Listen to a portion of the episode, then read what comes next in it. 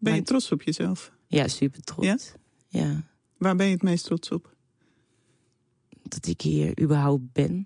En, en dat ik eh, nooit heb opgegeven. Vooral dat. Ja. Het is niet makkelijk als je net 18 bent en iedereen begint. En, en met drinken, met experimenteren. En jij weet ook, voor mij is dit niet handig. Ja.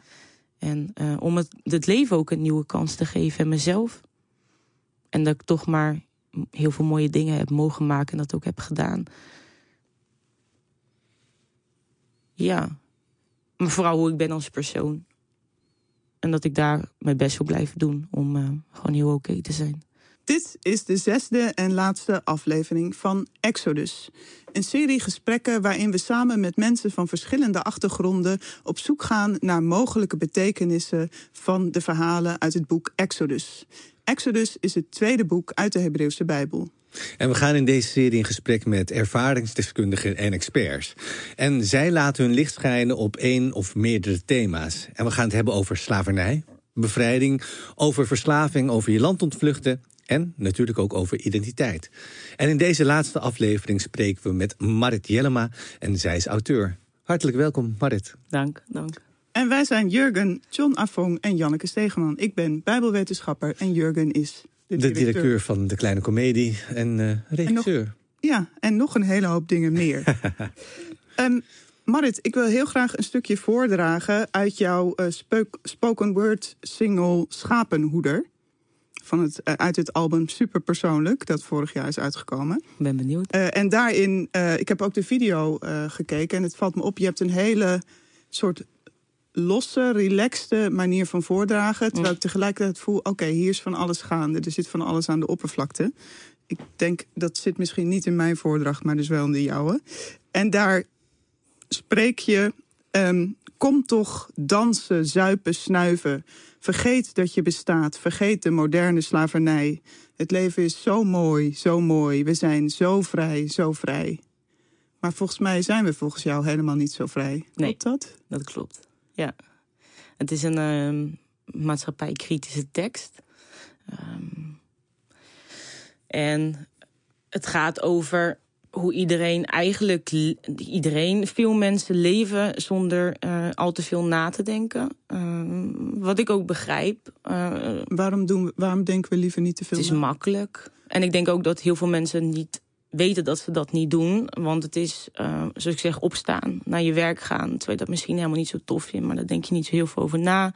Ehm, En je moet ook geld verdienen. er moet brood op de plank komen. Dus er zit ook wel enkele nuance in, eh, daarover in aangebracht. Het is ook dat ik het ook wel begrijp, maar ergens ook die vragen wel wil stellen van hé, hey, eh, wat zijn we aan het doen? Kan dat, niet, kan dat niet anders? Of kunnen we niet in ieder geval nadenken over wat we aan het doen zijn en waarom moeten we zo constant eh, maar bezig zijn en, en, en doorgaan en doorgaan en doorgaan. En wat is vrij zijn dan?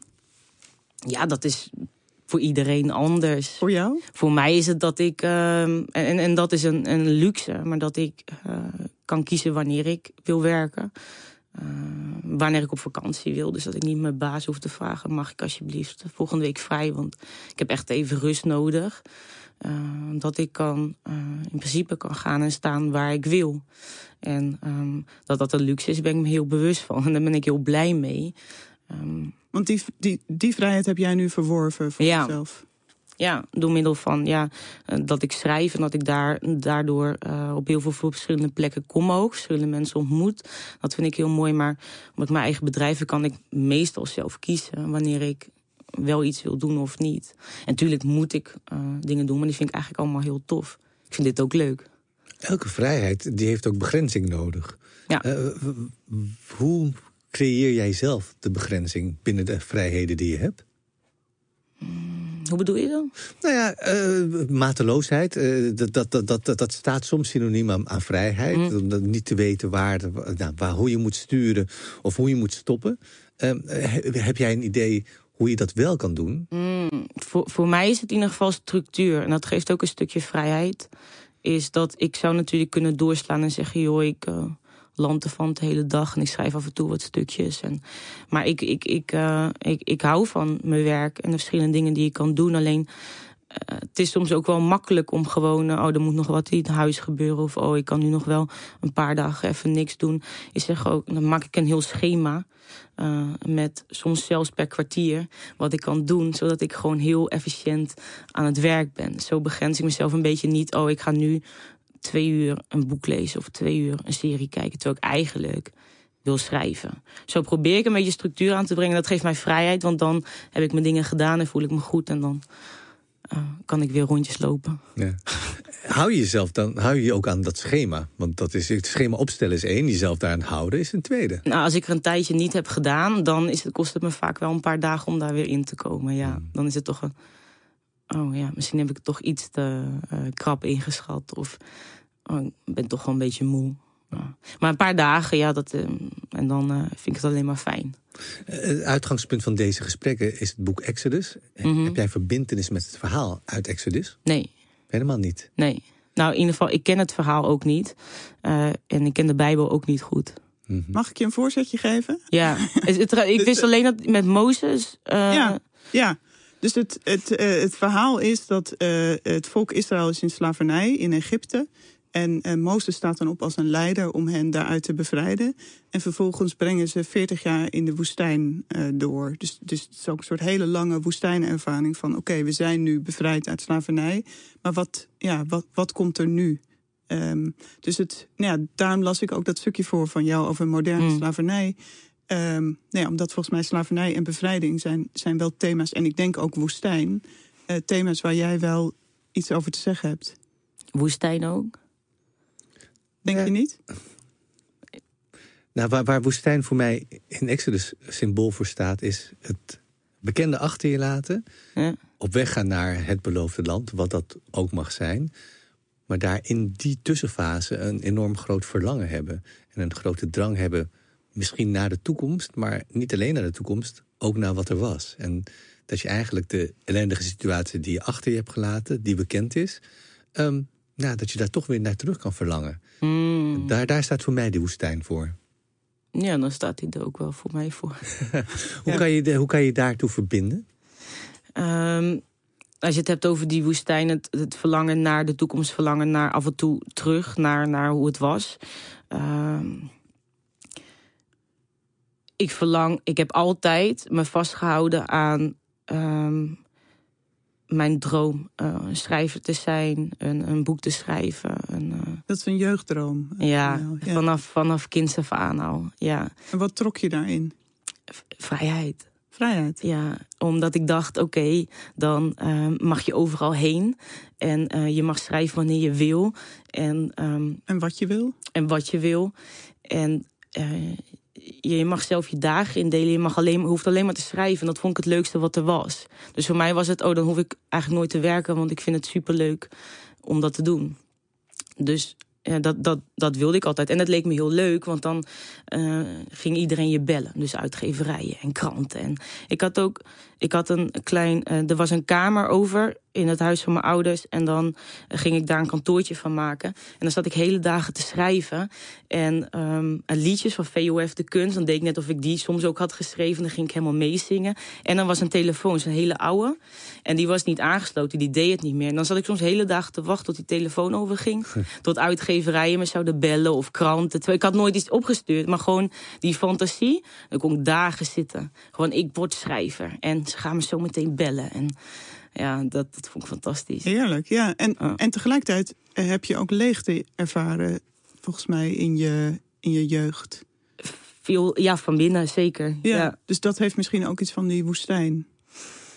En het verlangen naar iets anders, denk ik ook. Zo van, oké, dat is een soort van ontsnappingsmogelijkheid of zo. Daar, daar, misschien word ik daar wel heel gelukkig van. En dat was een soort droomwereld die ik creëerde. En waar ik heel graag naartoe wilde. Want in mijn hoofd werd alles dan beter als ik uh, uh, schrijven was. Kan je iets vertellen over die leegte? Waar, waar kwam die leegte vandaan? Of hoe ervoer je dat? Mm, ik voelde me anders. En dat is in principe uh, gek, omdat het niet aan de externe omstandigheden lag... Um, geen, niet, niet met pesten gehad of um, mm, thuis was het heel fijn en, en fijne vriendjes en vriendinnetjes. Maar ik had het wel lastig op school qua, qua de juffen en meesters. En ik moest altijd maar normaal doen. Of ik werd er al uitgestuurd voordat ik iets zei. En dat was al vanaf de kleuterklas dat ik echt wel mm, geen fijne dingen op die school gebeurden. En um, dat ik altijd dacht, ik ben niet normaal of ik ben anders. Terwijl ik eigenlijk gewoon, ja, ik wilde ook het liefste lezen en schrijven. En ik vond de rest niet zo heel veel aan. Maar verder deed ik ook, viel het best wel mee hoe vervelend ik was. Ik werd op een gegeven moment natuurlijk wel vervelend, want dan ga je erna gedragen. Want dat is blijkbaar wat je bent of wie je bent. Op een of andere manier werd ik heel erg in dat hoekje geschoven. Je viel er buiten, buiten de groep? Of... Nee, niet buiten de groep. Um, per se, zo voelde ik dat wel. Ja. Uh, maar soms um, vond ik het ook fijn om dat zo te voelen. Of dacht ik, dan moet ik me naar gedragen. Dus er was er, in groep 5 was er uh, de ketchup song, was heel, heel populair. Mm. En die vond ik eigenlijk stiekem echt super leuk. Alleen, iedereen vond die heel leuk. Dus dacht je, dan kan ik dat... Dat, dat, dat past dan niet. Yeah. Dus ging ik onder de tafel zitten terwijl die werd gedraaid. En was iedereen aan het dansen. En, en deed ik of ik het vreselijk vond. En eigenlijk was ik heel erg jaloers. Omdat ik ook mee wilde dansen. Maar iedereen vond het leuk. En ik hoorde daar niet bij, dus vond ik het niet leuk. Maar je wilde daar ook niet bij horen dan? Aan de ene kant ook weer niet. Aan de ene kant dacht ik, oké, dat is dan mijn rol. En daar pas ik me dan uh, uh, aan. Ja. ja. ja. En aan de ene kant ook weer heel erg wel, denk ik. Ja. Dus het was misschien ook een rol waar je een beetje klem in kwam te zitten? Ja, misschien wel. Je gaat je op een gegeven moment ook gewoon gedragen naar Um, als, je, als je juf en meesters je zo uh, uh, behandelen, dat zijn volwassenen, het zou een veilige omgeving moeten zijn, dan ga je op een gegeven moment ook echt voelen dat, dat er iets mis met je is. En dat hoe je, behandelden zij jou dan? Ja, dat was echt wel uh, fysiek ook. Ja, dat was niet, dat was niet oké. Okay. Oh. Ja, vanaf de kleuterklas al. En daar ben ik eigenlijk later pas achter gekomen. Want ik dacht eigenlijk, oh, dat is. Ik wist wel dat het niet echt normaal was of zo. Maar je staat daar niet zo bij stil als kind. En ik praatte niet. Ik kan nu heel makkelijk praten, maar ik praatte niet over die, die dingen niet. En hoe is dat veranderd? De kliniek waar ik heb gezeten. Heb ik geleerd dat ik wel moet praten, want ja. dat is beter voor me. Ja. Wat voor kliniek was dat? Uh, jeugdkliniek. Mm -hmm. uh, heb ik gezeten voor, uh, voor mijn verslaving, verslavingsproblematiek. Ja. En, en die, die weg naar die verslaving toe, kan je vertellen hoe dat ging?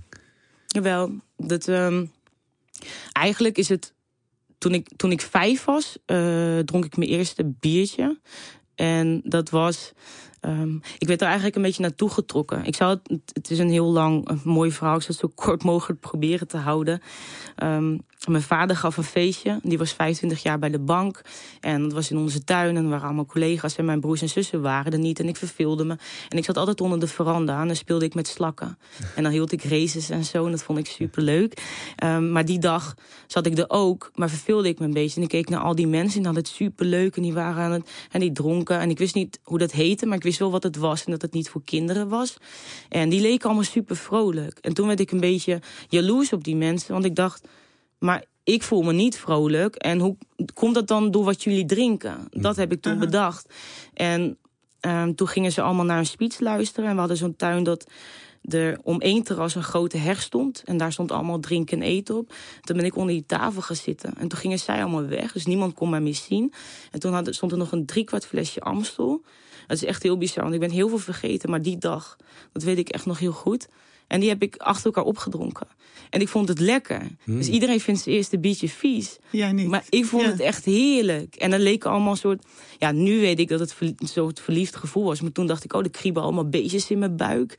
En alles leek mooier en het gras groener. En de mensen waren liever. En ik vond het feest ineens fantastisch. Ja, ja. Ja, ik zou echt wel willen... Toen wilde ik dat het echt dagen doorging. En toen dacht ik, oh, maar dat is het dus. dus maar. Jij dacht, dat is een oplossing. Ja, als ik me niet fijn voel, dan, dan, dan helpt dat. En, en, en daarna was ik gewoon kind. En uh, wat ik zei, dat, ja, ik had het gewoon fijn thuis. En um, ik, ik was gewoon aan het spelen en, en, en, en gewoon een, een kind zijn. Alleen, ik werd wel steeds somberder. Uh, vroeg al. En ik begon al vroeg met schrijven en gedichtjes schrijven. Dat ik uh, de zee wilde zijn, want dan was ik heel sterk en was het stil en zo. En uh, op een gegeven moment, uh, ja, ik werd dus steeds triester, maar ik praatte niet. En mijn oma overleed toen ik tien was. En daar had ik een heel sterke band mee. Hm. En daar zorgde ik ook wat voor. Dan maakte ik, uh, tenminste, die, dan maakte ik altijd eten en zo voor haar. Uh, ze was heel dun, dus dan maakte ik me zorgen. En dan ging ik voor haar dansen op liedjes van K3 om haar vrolijk te maken. En, en die overleed. En toen praat ik daar ook niet over. Maar ik was wel echt super verdrietig. Voelde je je ook verantwoordelijk? Of voor de vrolijkheid of voor hoe het met je oma ja, ging? ik voelde me al, al van jongs af voel ik me heel verantwoordelijk voor, voor hoe mensen zich voelen. En ik dacht, ja, straks heb ik haar niet gelukkig genoeg gemaakt. En uh, het einde was ook best wel naar. En daar heb ik heel erg mee gezeten. Alleen ik praatte er niet over. En dat kwam bovenop dat ik me eigenlijk al heel somber voelde. En dat ik al schreef dat ik er eigenlijk niet meer wilde zijn. Want ik dacht dat dat beter was voor iedereen. Op je tiende was dit al? Ja, hmm. ja het was echt heel jong.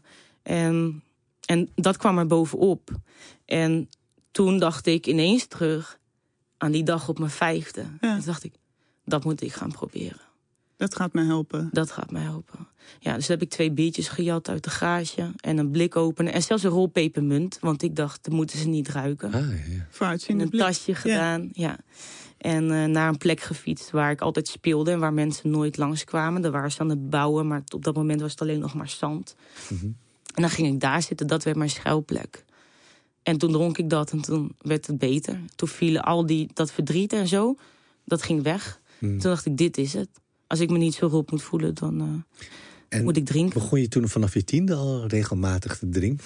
Ja, zo, zoveel als mogelijk. Alleen ik wist ook wel dat ik echt moest opletten dat het niet op ging vallen. Hmm. Dus als ik heel veel bier zou wegnemen, ja, dan zou dat gaan opvallen. Dus ik, af en toe ging het ook wel eens bij eh, vriendinnetjes stelen.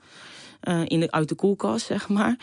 Um, die stond ergens bij hen in de garage, dus dat viel dan ook niet zo op.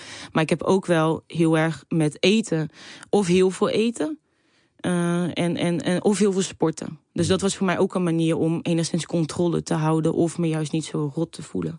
Dus ik zocht het wel op, als ik dat niet kon, op een andere manier. Ja.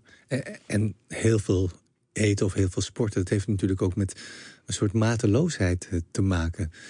Wat was het dat je toen die grenzen, waar we het zo net ook over hadden, die grenzen niet aan jezelf uh, op kon leggen? Dus was ik daar denk ik ook te jong voor, om dat überhaupt dat, dat te snappen of zo. Ik dacht alleen maar, dit voelt goed. Hmm. En ik voel me nu even niet meer rot. En dat was mijn enige doel. Ja. Eh, want ik praatte niet, maar ik wilde ondertussen ook niet meer leven. En als ik, niet, als ik dronk, of als ik sportte of als ik oud, dan had ik dat even niet. Dus ik was daar niet mee bezig. Oh, dit is misschien verkeerd. Ik dacht alleen maar, dit is fantastisch. dit is de oplossing. het was je enige uitlaatklep. Ja, dat was de uitweg. En, en wanneer begon je te realiseren dat het een probleem was geworden? Of dat die oplossing die je gebruikte, dat dat je ook schade? Ik heb uh, heel lang gezegd, pas op mijn 18 toen ik naar de. Nou, 17 toen ik besloot naar de kliniek te gaan. Ik was echt net 18 toen ik in de kliniek terecht kwam. Maar ik heb wel gehad dat bijvoorbeeld ook uh, mijn toenmalige vriendin. En die, die, die was heel goed bezig. Die wilde alleen maar. Toen was ik 17. En die, die ging naar school en deed er dingen. Alleen ik sleurde er steeds verder mee in dat, in dat wereldje waar ik steeds dieper verzeld was geraakt. En die wilde op een gegeven moment op een dag niet naar school.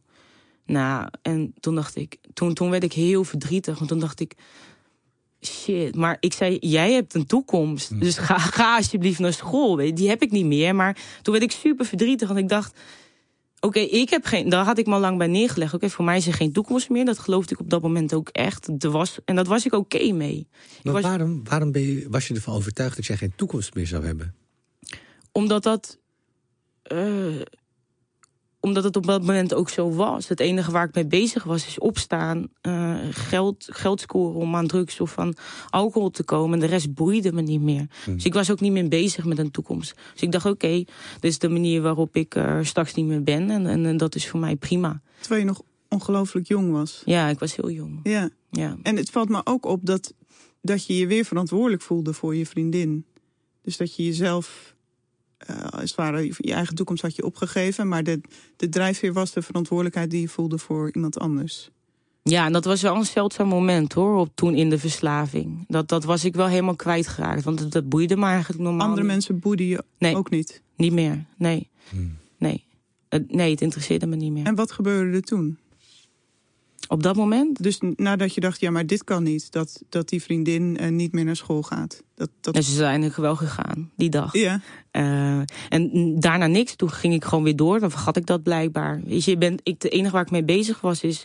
Uh, hoe kom ik aan geld? Hoe kom ik aan drugs? En, en dat was mijn leven dag in dag uit. En de rest boeide me niet meer.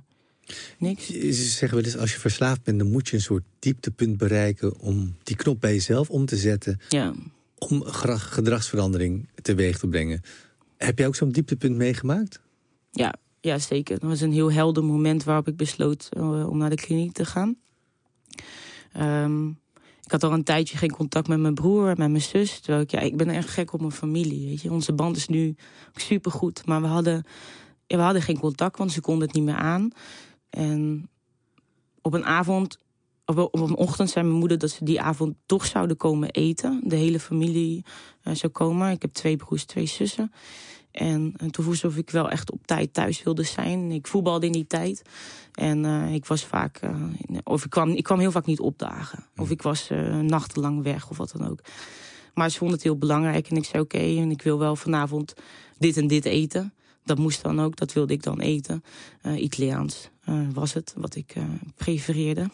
En um, ik, kwam, ik, ik, ging voetballen en ik had gewoon een thuiswedstrijd. Maar ik wilde langer in die kantine blijven drinken. Dus ik zei, ik heb een uitwedstrijd en ik sta in de file. En um, zij waren allemaal al daar. Maar dat interesseerde me niet zoveel meer. En op een gegeven moment hebben mijn teamgenoten gezegd... volgens mij moet je nu maar weg... En toen ben ik thuisgekomen. Alleen, ik begroette ze niet want ik was heel dronken. En ik zwalkte gewoon die woonkamer binnen. En uh, ik was alleen maar boos dat we niet Italiaans aten. Dus ik zag iets wat ik niet lustte. En dat gooide ik op de grond of ik gooide het weg. En ja, het was uh, uh, niet fijn hoe ik was. Um, en toen ben ik boos op de bank gaan zitten. En toen rende mijn zus huilend naar buiten. En mijn moeder erachteraan. En toen was ik eerst ook nog boos. Ik zag het op dat moment echt niet. Ik dacht, wat is er nou weer aan de hand, weet je? Wat is er? En toen heeft mijn vader dus aan mijn broer gevraagd... of die toch alsjeblieft nog een keer met mij wilde praten. Want hij zei, volgens mij is dit de laatste, laatste kans... dat we het nog tot het door kunnen dringen. Mm. Dat heeft hij gedaan. Ik, ik weet niet meer wat hij heeft gezegd. Op een gegeven moment klikte er iets wat hij zei en ik keek op... en ik zag die mensen die er nog waren uh, uitgeput en verdrietig aan tafel zitten. En... Um, dacht, het komt door mij. En mm. uh, dat vond ik zo erg. En ik had het daarvoor gewoon niet gezien, niet, niet kunnen zien, niet willen zien misschien. En ik zei, breng me alsjeblieft vanavond nog naar de kliniek. En ik zou alles doen om beter te worden. En uh, ik wil jullie nooit meer zo zien. En uh, is alles in gang gezet. En is alles op dat moment op zijn plaats gevallen? Want wat je ook vaak hoort is dat zo'n ingrijpend moment... dan besluit je inderdaad naar de kliniek te gaan... Maar als de realiteit op een gegeven moment doordringt dat je niet meer kan drinken, dan is die motivatie weg en gaan mensen ook regelmatig weg uit de kliniek. Waarom ben jij gebleven? Waarom heb je het doorgezet? Ik kon ook moeilijk weg. Uh, we zaten midden in de Belgische Ardennen. Uh. Uh, omgeven door bos. En er was een klein dorpje, maar voordat je bij een treinstation kwam. Je kon, er zat een hek omheen. Uh, je kon ontsnappen als je wilde. Mm. Ik ben ook wel eens weggelopen, maar gewoon omdat ik puur even weg wilde. Uh, omdat ik echt besloten had, dit wil ik niet meer. Ja. En het lukte je om bij dat besluit te blijven? Ja, want ik deed het niet voor mezelf. Want ik, ik, ik, ik, ik haatte mezelf toen. Ik had zoveel naar. Ik, ik, ik deed echt niet. Dat kon ik niet voor mezelf. Maar ik deed het wel voor mijn familie. En uh, dat. Uh, hun hebben me. Z, zij hebben me geholpen. Hun gezichten. Ja. Uh, voor me blijven zien. Uh, Zoals ze daar aan tafel zaten. Je gewoon überhaupt hoe ze waren, hoe ze zijn. En, en dat ik dacht, dit wil ik niet meer. En ik, ik, blijf gewoon, hoe moeilijk het ook is. Maar ik wil nooit meer terug. En wat voor transformatie heb jij toen ondergaan? Hoe ben jij veranderd? Nou, wat heb je leren zien? Sowieso veel rustiger. Maar dat is ook naarmate je gewoon clean bent dan. Uh, die troepgebruik, daar word je gewoon... Tenminste, ik werd er knettergek van. Ja. Ik werd gewoon uh, heel raar van rare buien, woede aanvallen. Gewoon niet, ik, niet meer mezelf. Ik, ik, ik, was er gewoon niet meer echt bij. Uh, dus sowieso als je dat weglaat, dan word je al gelijk een stuk rustiger. Ehm, en ik ben gaan schrijven. Weer. Wat je, wat je altijd al deed en wilde. Ja. Maar tegelijkertijd is uh, alcohol op jonge leeftijd een middel geweest om je minder ontheemd of minder ongelukkig te voelen. Hmm. Als je alcohol wegneemt en drugs wegneemt, uh, je gedrag verandert. Dus een aantal, aantal dingen doe je niet meer. Maar hoe ga je om met dat gevoel van ongeluk? Of is dat verdwenen?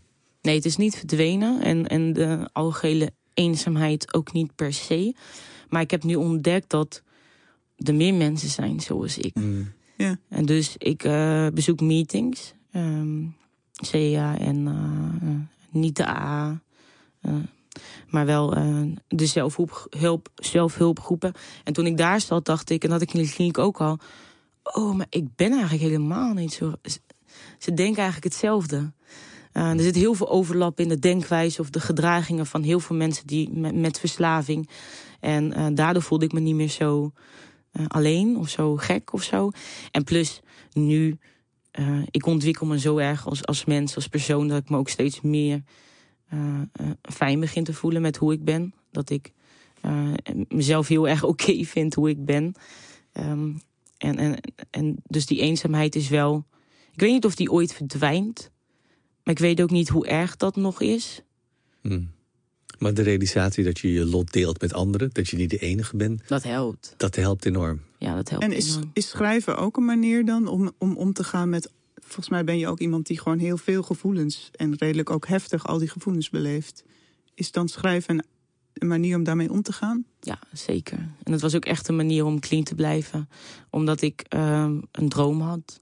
En um, iets, iets kon doen met mijn leven. Ik, ik weet niet, misschien als ik dat doel niet had gehad... was ik ook een andere persoon geweest überhaupt. En dat weet ik natuurlijk niet. Maar voor mij heeft het echt geholpen dat ik dacht... oké, okay, maar ik heb ook een doel. Ja. En ik kan iets.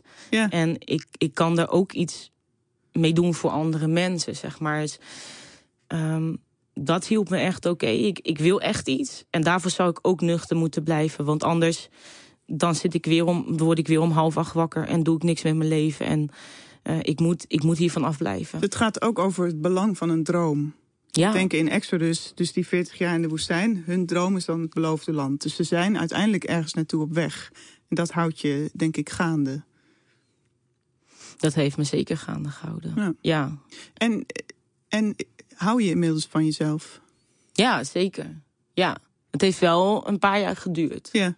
Ja, dat, Hoe uh, komt dat? Hoe is dat veroorzaakt? Mm, gewoon elke dag een goed mens proberen te zijn. Een goed en fijn mens. En um, vooral dat. En lukt dat? Ja, natuurlijk niet altijd. Um, ik maak ook fouten. Het verschil is met nu en vroeger dat ik ze direct toegeef. Hmm. Dat ik elke dag probeer te kijken, oké, okay, wat heb ik gedaan vandaag? En, en ben ik ergens fout geweest? En dan ga ik dat gelijk, uh, meestal direct. Ik hoef daar eigenlijk niet om, meestal heb ik dat direct door. Dus als ik iets fout doe, dan trek ik dat recht. Um, zelfreflectie, veel. Veel alleen op reis geweest. Hmm. Veel weggegaan. Veel mooie dingen Maar- mogen doen. Als je het hebt over eenzaamheid, Hmm. reizen. Als ik naar mezelf kijk, ik vind reizen, alleen op reis zijn, een van de meest eenzame dingen die er zijn. Soms ook heel mooi en rustgevend. Hmm. Maar je ontloopt daarmee de eenzaamheid niet. Je zoekt het bijna op. Ja, en daar vond ik het heel erg fijn. Waarom? Um, omdat ik me soort anders eens misschien ik weet het ik weet het niet zo goed wat het verschil is met als ik hier in, in als ik gewoon in mijn huis ben is het soms anders of zo? Ik, ik, ik, heb geen, ik heb geen idee wat dan precies het verschil is. Wat ik wel weet is ik vond het heel erg fijn om gewoon alleen rond te lopen tussen mensen. En ik zocht ook heel vaak bewust niet het contact op. Ik was gewoon heel erg vrij in mijn zijn en daar oké mee. En dat wilde ik bereiken. Dus ik heb dat ook met opzet wat minder opgezocht. Zo van oké, maar ik ben eigenlijk heel fijn gezelschap. Dus ik denk niet dat ik me echt heel erg... Nee, ik, ik voelde me op dat moment niet heel erg eenzaam. Ik weet wel, ik heb meer geaccepteerd dat ik een, misschien een beetje anders ben. Maar dat dat best oké is. En dat werkt niet al, dat lukt niet altijd. Maar um, ik heb daar heel veel mooie dingen mogen doen. En veel geschreven en veel gewandeld, mooie dingen gezien. En ik was daar gewoon heel oké. Okay. content. Nog even over het, het werk wat je maakt als spoken word artiest en ook als schrijver. Hm. Uh, je zei al, het is maatschappijkritisch. Uh, we hebben het ook al gehad over je verantwoordelijkheidsgevoel. Wat, wat is jouw drive met dat werk? Wat wil je, wie wil je bereiken en, en wat wil je bereiken? Ik wil graag mensen, dus als het over mijn persoonlijke teksten gaat, een andere kant van het leven laten zien. Dus misschien begrip kweken ook. Vooral verhalen die je niet vaak hoort.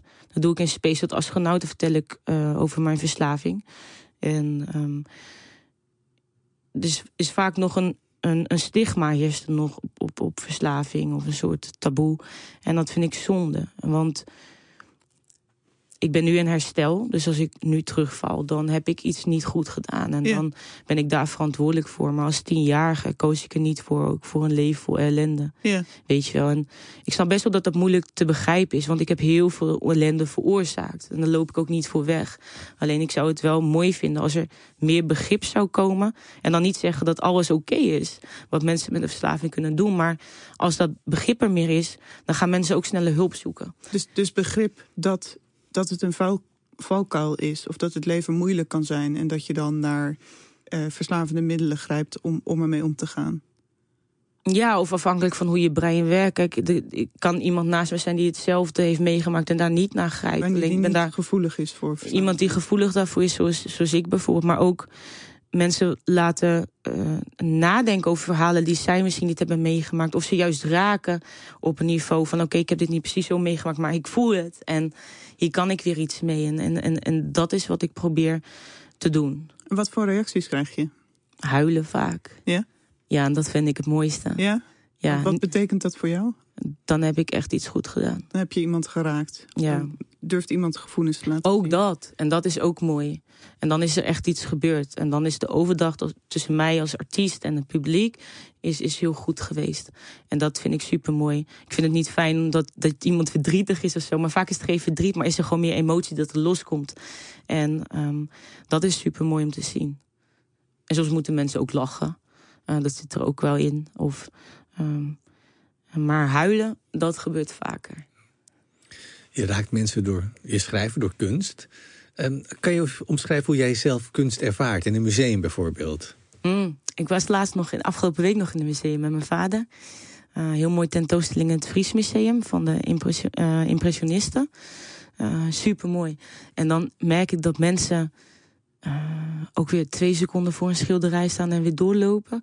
Maar ik sta echt samen met mijn vader. Hij heeft gelukkig hetzelfde. Ze echt van dichtbij te kijken.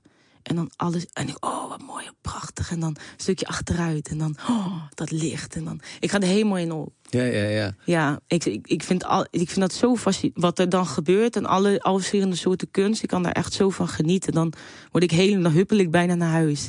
ja, ik vind dat echt mooi. Ook dat is een intense ervaring. Of Ja. daar, daar, daar, daar, daar geef je je helemaal aan over. Ja. En dat vind ik mooi, vooral als het met kunst te maken heeft. En tegelijkertijd denk ik, die mateloosheid, eh, eh, zit dat in alles? Of, of, of kan je dat in toom houden? Dan kan ik wel meer in toom houden. Ja. Mm. Je hebt wel, eh, bijvoorbeeld als er een pak koekjes thuis liggen, dan is het niet dat die helemaal opgaat of zo. en dat, dat, dat is misschien voorheen wel wat meer zo. Ik ben wel relaxter geworden. Eh, sowieso gewoon als persoon, maar gewoon wat rustiger. Maar kan je dan wel optimaal genieten? Want die- door die mateloosheid kan je ergens helemaal opgaan. Ja, En daardoor dus ook optimaal genieten. Lukt dat nu nog steeds? Ja, zeker. Ja, soms als ik ook op een festival of wat dan ook ben, ik ga helemaal uit mijn plaat. Hmm. En mensen, eh, niet, al, niet continu natuurlijk, want je wordt doodmoe. Maar eh, ik dans met mijn ogen dicht en ik, ik geef, kan me helemaal in die muziek eh, overgeven. En dan denken mensen die vragen, wat heb jij gehad? Ik, helemaal niks. Want inderdaad, voor die ervaring hebben andere mensen drugs of alcohol nodig. Ja. En hoe komt het dat jij dat niet meer hebt, nodig hebt... en in, in het festival op kan gaan en in andere mensen op kan gaan? Mm, nou, ik moet zeggen dat het niet altijd helemaal direct zo is. Soms is ook ik op een feestje ben, dan, dan ben ik heel zelfbewust. Omdat je weet dat iedereen onder invloed... en je toch een beetje anders bent. Want ik drink mijn water of mijn cola of weet ik veel wat. Maar soms is er gewoon zo'n fijne sfeer. En de muziek zo, zo relaxed dat ik daar helemaal in op kan gaan. En dan soms moet ik ook gewoon zeggen, ja, weet je, maakt niet uit wat mensen vinden. Ik vind het gewoon heel tof. Ja. Dus Maar het is dus anders dan het vijfjarige meisje dat op het feestje van je vader al die mensen zag waarbij, het gelukkig, waarbij zij gelukkig waren of gelukkig leken. Ja. En jij daar niet bij hoorde. Nu zie je inderdaad op zo'n festival andere mensen gelukkig zijn, al dan niet onder invloed. En kan je er toch bij voegen of word je toch een onderdeel daarvan? Eh, hoe doe je dat? Ik heb denk ik geleerd dat geluk uit mezelf te kunnen halen. Ik heb geen minder, ik heb geen externe factoren meer per se nodig. Als in, natuurlijk, de muziek is de externe factor, maar er hoeft niet extreem meer veel te gebeuren. Ik kan echt blij worden als ik een vogel zie. Hè? Echt waar? Ja. Ja, En maar waarom? vind ik gewoon mooi. Maar echt, geef mij een klein cadeautje en ik word super blij. maar ik heb dat gewoon niet, ik heb dat gewoon niet nodig. Ja, en dat vind ik de grootste winst. Is, ik kan me gewoon heel snel blij maken. Je hebt ook een enorm talent voor, voor vrolijkheid. Voor, Voor blij zijn. Ja. Ja, voor blij zijn. Ja, en ook voor verdrietig zijn. Wel. voor alle gevoelens. Ja, alleen ik ga er nu wat. ehm, ik probeer me niet zelf niet helemaal in te verliezen. Als in, ik heb altijd nog mijn hoofd die zegt: Oké, dit is. Ik kan het altijd nog een beetje in perspectief plaatsen. En dat, dat, dat lukte vroeger niet. Dan ging ik er helemaal in mee. En nu is het eh, realistischer. Ben je trots op jezelf? Ja, super trots. Ja? ja. Waar ben je het meest trots op? dat ik hier überhaupt ben. En, en dat ik eh, nooit heb opgegeven. Vooral dat. Ja. Het is niet makkelijk als je net 18 bent en iedereen begint. En, en met drinken, met experimenteren. En jij weet, oké, voor mij is dit niet handig. Ja, En eh, om het, het leven ook een nieuwe kans te geven en mezelf. En dat ik toch maar heel veel mooie dingen heb mogen maken en dat ook heb gedaan. Ja. Maar vooral hoe ik ben als persoon. En dat ik daar mijn best wil blijven doen om eh, gewoon heel oké te zijn. Op dit moment zullen er vast jonge mensen zijn, kinderen zijn die ehm, diezelfde emoties ervaren die jij toen je jong was hebt gevoeld. Dus er niet bij horen, geïsoleerd zijn.